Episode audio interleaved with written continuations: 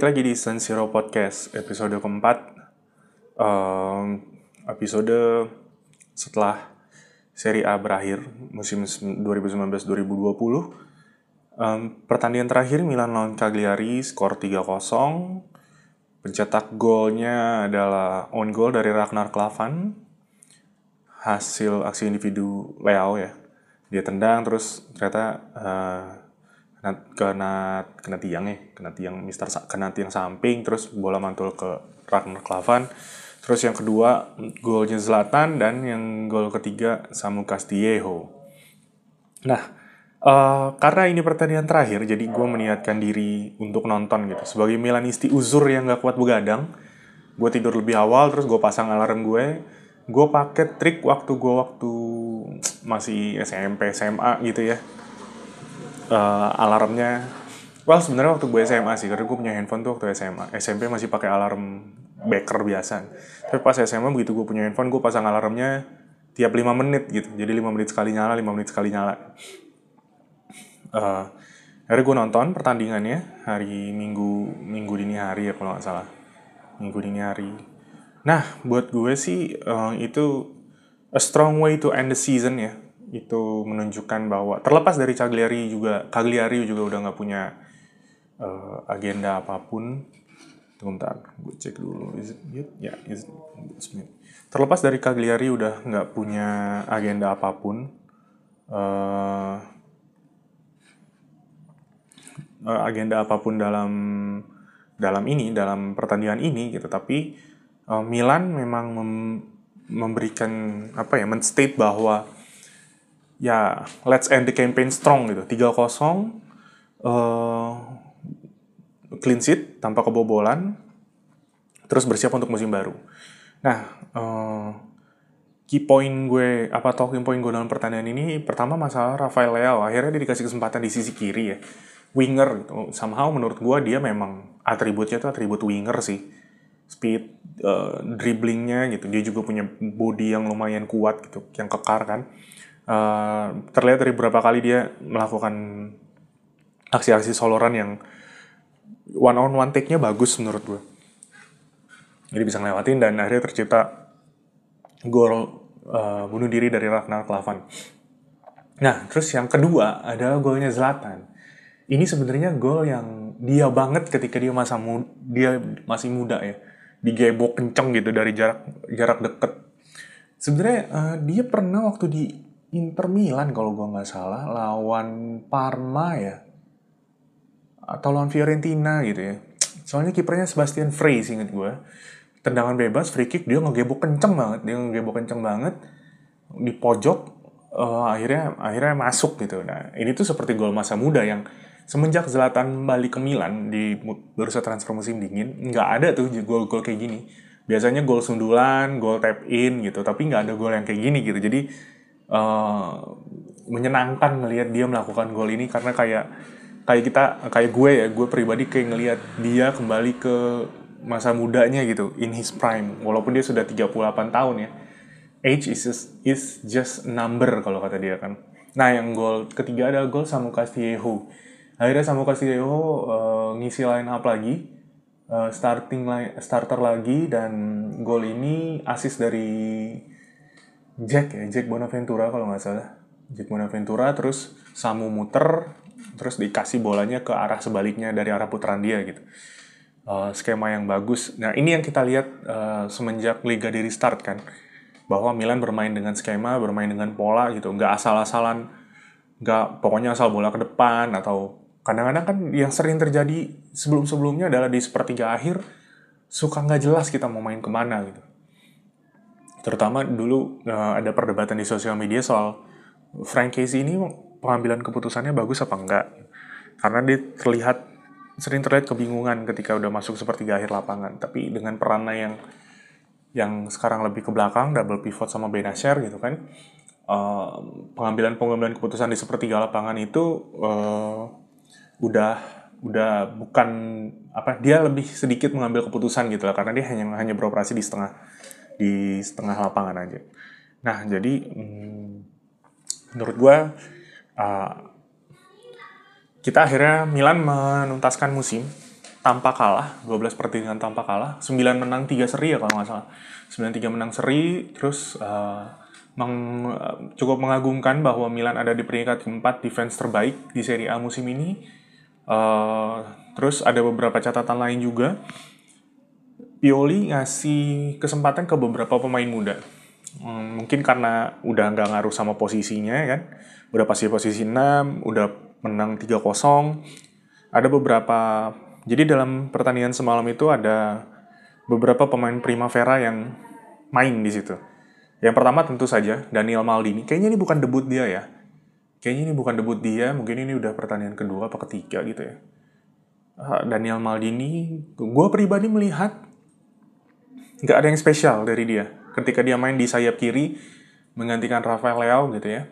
Dia main di sayap kiri, nggak ada yang spesial, dia nggak nggak apa ya, dia nggak menampilkan sebuah aksi-aksi yang individual gitu bahkan menurut gua untuk ukuran untuk ukuran passing aman aja pun tidak gitu ya menurut gua gitu ya dia beberapa kali kehilangan bola gua lihat uh, however dia baru 18 tahun gua ngerti dan dia punya nama belakang yang menurut gua terlampau berat.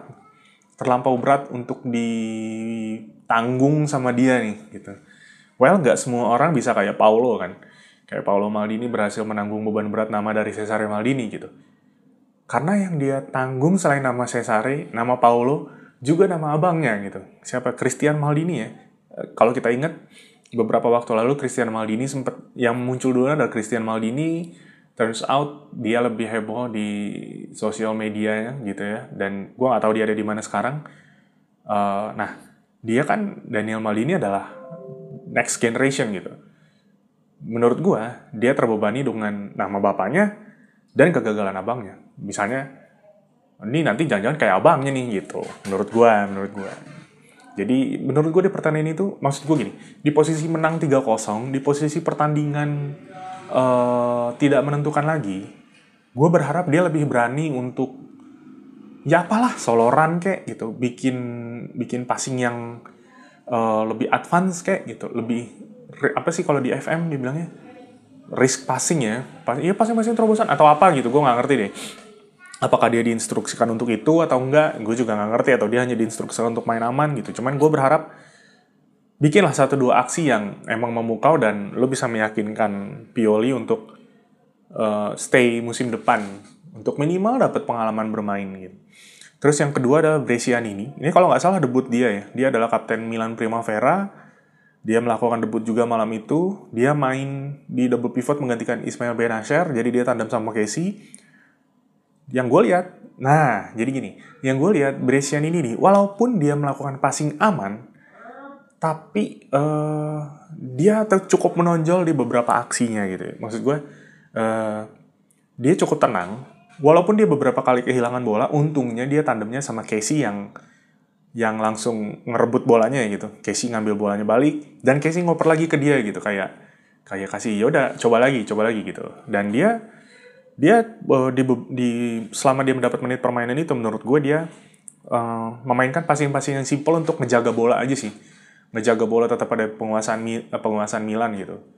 Nggak ada pas nggak ada umpan terobosan nggak ada apa hanya hanya benar-benar cuman wall pass aja untuk menjaga bola gitu. Tapi menurut gue dia punya pondasi di situ bahwa uh, kalau gue jadi pelatih gitu oh nih anak kayaknya ada potensi gitu menurut gue gitu. Jadi uh, itu yang gue nggak lihat di Daniel Maldini di sayap kiri posisinya. Nah uh, terus Salamaker juga masuk di situ. Yang lucu dari Salamaker correct me if I'm wrong ya tapi bahkan aksi dia sebelum dia memegang bola adalah mendapat kartu kuning gitu. Itu yang gue gak suka gitu dari Salamaker gitu ya. Kita ingat dia dapat kartu merah kan di pertandingan lawan apa ya dia dapat kartu merah ya? Oke okay, dia punya spirit oke okay, dia punya semangat oke okay, dia cover a lot of ground gitu ya. Misalnya dia ditaruh di kanan itu dari ujung sampai ujung dia bisa ngejar bola. Uh, tapi maksud gue kayak ayolah ini Liga Serie A gitu. Jangan terlalu banyak uh, istilahnya kalau pakai istilah coach itu jangan terlalu banyak pakai otot. Gitu. Nah itu yang gue lihat dari si Salamaker. Dia belum nyentuh bola aja udah kartu kuning gitu. Nah, menurut gue sih um, menurut gue nggak layak permanen sih kalau kita mau ber, bertanding di Serie A dan Liga Eropa musim depan. Terus yang Gabia seperti biasa kayaknya ini bukan debutnya udah pertandingan keberapa gitu ya. Performance yang solid, walaupun gue belum lihat uh, defensive actionnya ya. Tapi build up-nya ini anak bisa lah. Build up-nya cukup oke. Okay. Uh, dia tahu kapan dia harus back pass balik ke Donnarumma atau uh, passing ke depan, ke gelandang di depan dia. Tapi gue masih belum lihat defense action dia yang menjanjikan. Jadi entah dia belum teruji atau apa gitu tapi menurut gue dia udah cukup lah. Dia udah boleh dapat tempat di musim depan lah untuk backup uh, Romagnoli sama Kiar kalau misalnya kita nggak dapat uh, pemain belakang tambahan.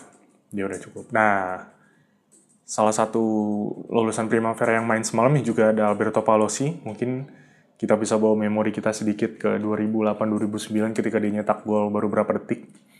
Dikasih debut ya sama Ancelotti. Cuma dia semalam juga nggak berbuat apa-apa sih gitu. Nah, yang gue lihat juga semalam itu uh, Zlatan. Ada momen dia marah-marah sendirian karena gak dikasih bola itu itu membawa memori gue juga ke 2012 di musim dia sebelum dijual ke PSG kan dia kerjanya marah-marah mulu nih orang salah passing dia marah-marah cuman ya maksud gue wajar lah mengingat dia sudah membawa tim ini ke ke dari da, dari posisi yang kurang menguntungkan jadi posisi 6 gitu. Nah, tapi yang menarik ketika youngster itu masuk, ketika Daniel Maldini, Brescian ini Salamaker masuk, gue ngelihat dia malah jadi ngejar-ngejar bola gitu. Dia malah jadi lebih bersemangat gitu untuk main. Entah apakah cuman mau atau dia mau ngasih contoh gitu karena dia tahu gue yakin dia tahu bahwa posisi dia di situ nggak hanya sebagai striker tapi juga role model untuk untuk anak-anak itu. Jadi gue lihat ada perubahan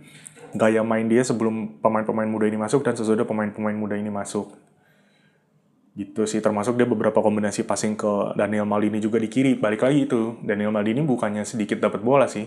Dia ada beberapa kali dikasih bola, cuma dia lebih memilih bermain aman untuk sesok untuk orang yang posisi untuk pemain yang posisinya di winger yang kita berharap atau gue berharap uh, dia menciptakan peluang atau one on one lah gitu sih.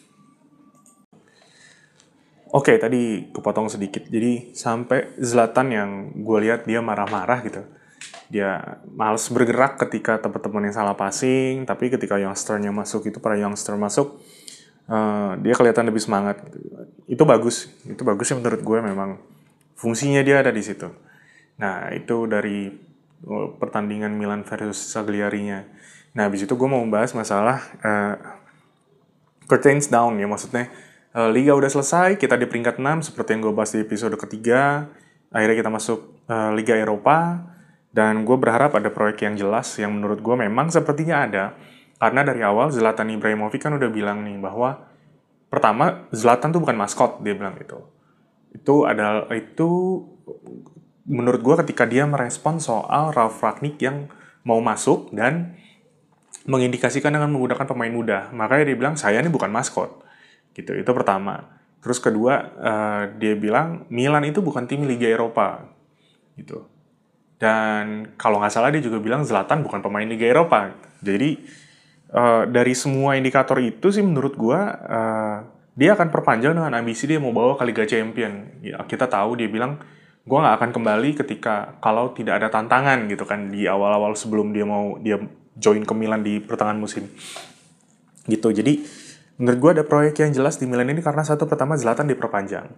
Zlatan diperpanjang artinya dia tidak akan jadi maskot dan ketika dia tidak menjadi maskot dia jadi pemain inti. Uh, gue yakin tim akan dibuild uh, berdasarkan Zlatan gitu, round him lah gitu. Nah terus yang kedua Maldini juga diperpanjang. Gue udah bahas juga di yang lalu bahwa ke di eranya Yong Hong Lee Maldini nggak mau join karena dia sama dia tidak mau dijadikan maskot gue bukan maskot, gue bukan duta dutanya tim gitu, tapi gue mau involve, terlibat.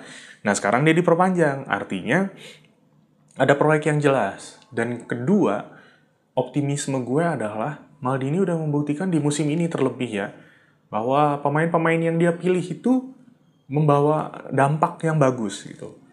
Gue nggak tahu seberapa besar keterlibatan dia dalam pemilihan pemain, tapi kita bisa lihat uh, Benacer, Theo Hernandez, si, eh, bahkan Simon Kjaer, Ibrahimovic gitu.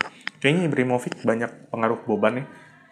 Jadi menurut gue dia dia dia punya di pilihan pemainnya bagus, uh, sesuai yang kita butuhkan dan ternyata hasilnya baik. Kita langsung lihat bahwa ada isu Theo Hernandez diminati PSG, Ismail Benacer mau ditawar Pep gitu. Nah, hal yang sama akan gue lakukan untuk musim depan. Gue percaya bahwa Maldini akan melakukan yang terbaik dalam bursa transfer di waktu yang sempit ini karena uh, sesuai berita yang gue terima ini Liga Italia dimulai 19 September. Artinya ada sekitar sekitar 6 sampai 7 minggu lah, hanya 6 sampai 7 minggu persiapan menuntaskan semua transfer untuk uh, didaftarkan. Kita akan bahas transfer nanti di di kesempatan yang lain gitu karena uh, ya rumor yang beredar hanya itu itu aja sih. Jadi maksud gue kayak Paketa out mau ditukar ke Fiorentina dengan Milenkovic terus Chiesa terus ada bek kanan Sergio Aguirre apa? Sergio Aurier terus uh, ada Dumfries terus habis itu ada ya ada banyak lah termasuk nama-nama yang kurang kurang gue tahu gitu. Termasuk Luka Jovic juga gitu. Nah itu ada banyak banget. Berita transfer berputar di situ-situ saja gitu. Gue lebih memilih untuk menunggu bursa transfer sampai bener-bener fix pemain itu uh, foto gitu ya dia tanda tangan foto megang kaos. Sampai situ gue percaya gitu. Jadi kayak udah gue percaya deh sama Maldini nih. Dia akan ngasih yang terbaik dengan budget yang ada. Ada yang bilang budgetnya 75 juta euro. Terus ada beberapa pemain yang coba di Lego gitu kan. Ricardo Rodriguez, Laksal terus ada Calabria atau Conti dan lain-lain gitu. Nah uh, uh, yang pasti sih kayaknya gue tidak berharap ada pemain besar yang datang. Maksud gue, gue berharap tapi gue tidak optimis karena biar gimana pun ya uh, pemain besar ya mungkin terutama di posisi striker tidak akan ada yang jadi mau jadi backup. Sementara Zlatan egonya tinggi nggak mau juga jadi cadangan kan? Dia pasti mau jadi pemain inti. Gitu ya kita tunggu aja untuk bursa transfer ini. Uh, terus abis itu uh, yang juga sudah ramai dibahas tentang pertandingan terakhir Jack Bonaventura, Jack of all trade. Jadi kontraknya memang tidak diperpanjang, walaupun gue uh, gue yakin dia masih dia masih punya kemampuan untuk jadi uh, rotation player, nggak cuma backup ya, rotation player lah. Uh, dia kayaknya udah semen, dia kan cedera dua kali ya, cedera parah beberapa kali yang gue inget dua lututnya awalnya kan dia berkembang jadi winger ya. Dia di winger kiri, tandemnya susu di kanan. Tapi kemudian setelah dihantam cedera itu dia lebih main banyak main di tengah, terutama di setelah kompetisi restart dia rutin menghasilkan assist dan gol.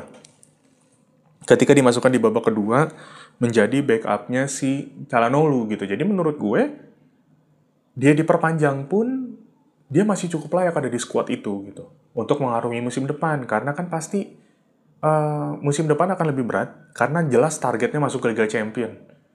Ya tar target setiap musim Milan sih sebenarnya. Tapi mungkin lebih niat untuk masuk Liga Champion mengingat fondasi yang ada di musim ini. Dan kedua kita akan berkompetisi di Eropa di Liga Eropa. Nah uh, mungkin kualitas Bonaventura tidak bisa di Liga Eropa, tapi mungkin ketika kita akan main di Liga Eropa atau setelah main di Liga Eropa, uh, Milan bisa pakai Bonaventura starting di Liga Italia gitu lah ya. Jadi menurut gue agak sayang kalau misalnya dia tidak diperpanjang. Gue tapi nggak tahu juga sih apakah isunya itu masalah gaji atau apa karena kita sama-sama tahu agennya Mino Raiola kan, gitu. Dan terus uh, walaupun isu-isu yang berkembang terakhir terakhir ini adalah dia akhirnya diperpanjang balik lagi karena uh, Zlatan ngepost di Instagramnya kalma gitu artinya kalem aja Bonaventura kan gitu kan terus semua orang juga jadi bertanya-tanya termasuk gue gitu kalau misalnya sampai keputusan uh, memperpanjang Bonaventura karena ada desakan dari Ibrahimovic, buat gue pribadi nggak sehat juga. Buat gue pribadi nggak sehat. Walaupun gue seneng. Artinya, Zlatan udah punya porsi yang cukup besar di tim ini. Selain perannya di lapangan. Gitu. Apa iya pengambilan keputusan teknis harus di Zlat, harus dipengaruhi oleh Zlatan juga gitu ya. Uh, gue nggak tahu juga. Nah, tapi uh, Maksud gue, kalaupun enggak, eh, kayaknya mungkin dia balik ke Atalanta kali ya. Pas Milan lawan Atalanta itu dia terlihat cukup akrab sama staff-staffnya Atalanta, dan kalau dia balik ke Atalanta, dia main di Liga Champion, gue senang lah ngelihatnya karena selama di Milan dia nggak dia jarang main di Liga Champion gitu. Nah, Bonaventura 184 kali main, 35 gol, 30 assist, satu gelar, satu Super Copa, Piala Super Copa Italia waktu itu. Uh, nah, jadi ini cerita menarik nih ya. Jadi kalau misalnya kita mau ke Stadion San Siro, naik metro di Milan itu, kita ambil jalur ungu, stasiun terakhirnya itu adalah gue lupa deh stasiun terakhir yang di de persis dekatnya jadi ada dua. San Siro itu diapit dua stasiun metro nggak? Jadi lo bisa turun di stasiun sebelum terakhir atau di stasiun terakhir. Nah ketika lo keluar di stasiun terakhir San Siro Media atau Media Set lah gue lupa lah di terakhir itu. Ketika lo keluar ada dua tuh gambarnya ya sebelah kanan ada gambar Inter Milan Javier Zanetti ngangkat Liga Piala Liga Champion ya sebelah kirinya Abate Montolivo ngangkat Piala Supercoppa gitu dan itu jadi satu-satunya gelar yang dia dapat Bonaventura di selama berkarir di Milan. Nah, uh, buat gue sendiri Bonaventura itu adalah wajah Milan ketika ada di Banter era gitu ya. Oh karena uh, dia ditransfer dari Atalanta. Waktu itu gue nggak tahu siapa gini kan pemain mediocre. Ternyata he deliver whenever he's fit gitu. Walaupun dia beberapa kali cedera, tapi setiap dia fit, dia selalu nunjukin yang terbaik buat gue ya dia selalu menampilkan semangat grinta dia punya grinta dia juga punya teknik yang bagus gitu dan gue inget sempet ada chemistry yang bagus antara Suso dan dia ketika Suso di kanan dia di kiri uh, ada kalau Suso cut in terus dia passing ke tiang jauh pasti ada Bonaventura tuh. Entah nyundul atau first time atau apa gitu. Nah jadi uh, ya kita semua tahu dalam ketika di banter era itu pemain datang dan pergi ya. Bayangkan bahwa kapten kita tuh sempat Sule Ali Montari, Daniel Bonera, kita sempat kedatangan, ada pertengahan musim kita datangan berapa pemain Italia yang mediocre ya. Mattia Destro, Bocetti, Antonelli, lalu pernah ada uh, Keisuke Honda gitu, terus ada Paleta, ada siapa back Brazil tuh? Alex, terus ada siapa? Back Prancis tuh. Ah, lupa gue. Ada back Prancis itu tuh yang tinggi besar ya, yang balik ke Marseille gitu. Terus habis itu gelandang tengah kita sempat ada konstan dan lain-lain dan lain-lain gitu ya. Tapi sepanjang era itu selalu ada Bonaventura di situ yang yang setiap dia main. Kalau gue lihat uh, kita berharap apa gue berharap magic happen from his feet dari kaki dia paling reliable pemain yang paling bisa diandalkan. Eh reliable tuh diandalkan ya? Ya itulah pokoknya ya. Yang paling bisa diandalkan Selain Suso, kelihatan ketika dia cedera panjang, serangan kita berberat di kanan gitu. Kita hanya bertumpu pada Suso ketika Suso mati, selesai. Jadi gue bener-bener, gue kehilangan sih. Kalau misalnya memang, uh, kalau misalnya memang dia diperpanjang, gue akan seneng. Karena menurut gue dia menunjukkan loyalitas yang yang bagus. Terus uh, terutama di partai terakhir kemarin itu uh, dia akhirnya ke tengah lapangan, dia jongkok, mungkin itu partai terakhirnya di San Siro tapi dia tidak bisa menyampaikan salam perpisahan ke para fans gitu itu terus akhirnya beredar foto ketika dia turun jadi uh, itu turun ke tunnel ya tunnel pemain sebelum pemain keluar gitu. Nah di situ ada tulisannya Milan Forever atau Forever Milan gitu lah. Itu gue sedih gitu. Uh, jarang uh, apa apa selama banter era siapa pemain yang keluar yang diperlakukan yang uh, berlaku seperti itu gitu yang menunjukkan sikap seperti itu atau yang kita kehilangan lah. Kalau gue lihat di sosial media banyak Milanisti sedih gitu bahwa uh, Bonaventura dilepas. Akhirnya musimnya apa kontraknya berakhir. Nah uji jarang banget kita merasa seperti itu kan. Attachment kita terhadap satu pemain. Bahkan ketika Suso keluar oh ya udah kalau gue biasa oke okay, Suso goodbye. Nah ini enggak udah. Terus jadi menurut gue Bonaventura itu ada perpaduan grinta dan teknik. Gitu yang mana selepas eranya Gattuso dan teman-teman gitu ya dan para para senior di masa sebelumnya gue nggak melihat. Gue nggak melihat ada itu di pemain-pemain uh, banter era gitu. gue nggak melihat itu. Gitu. Nah terus harapan gue pribadi adalah semoga ke mana pun dia gitu entah itu diperpanjang lagi atau dia pindah isu terakhir dia pin dia mau join Fiorentina atau Roma gitu kan atau dia mau balik ke Atalanta gue berharap dia kembali. Dia kembali menjadi pelatih. Kayaknya gue rasa dia akan jadi pelatih yang bagus sih. Dia punya semangatnya dari Gattuso dan dia punya sebagai gelandang gue yakin dia punya intelijensia yang cukup bagus gitu. Gue ya semoga dia bisa jadi pelatih kita di musim depan pelatih Milan di musim depan. Karena kan ada idioms bahwa pelatih itu datang dari gelandang-gelandang yang biasa-biasa aja kan. Antonio Conte, Didier Deschamps ya kecuali Zinedine Zidane mungkin. Gitu. Jadi ya all the best untuk Bonaventura Jack of all trade orang yang selalu ada di masa-masa sulit kita gitu yang selalu kita kita ingat di Bantar Era. Uh, ya kayaknya itu aja. Semua talking point yang gue catat udah udah gue sampaikan di sini. Abis dari sini gue sebenarnya rada bingung nih wah liga berhenti mau ngomong apa gitu. Cuman kayaknya gue tetap balik lagi sesuai tantangan di episode pertama. Gue coba untuk konsisten terima kasih untuk, udah dengerin Terima kasih udah dengerin San Siro Podcast. Terima kasih udah follow Twitternya di San, at San Siro Podcast. Uh, kalau mau uh, apa kalau mau kontak-kontakan bisa via DM di Twitter atau email sansiro.podcast@gmail.com. Uh, gue seneng banget uh, udah sampai di episode keempat dan gue seneng ada yang dengerin. Terima kasih banyak, terima kasih banyak uh, buat kalian semua dan semoga uh, musim depan Eh, kita masuk Liga Champion dan kita tunggu manuver-manuver transfer Milan di musim ini. Segitu aja dari gue. Ciao.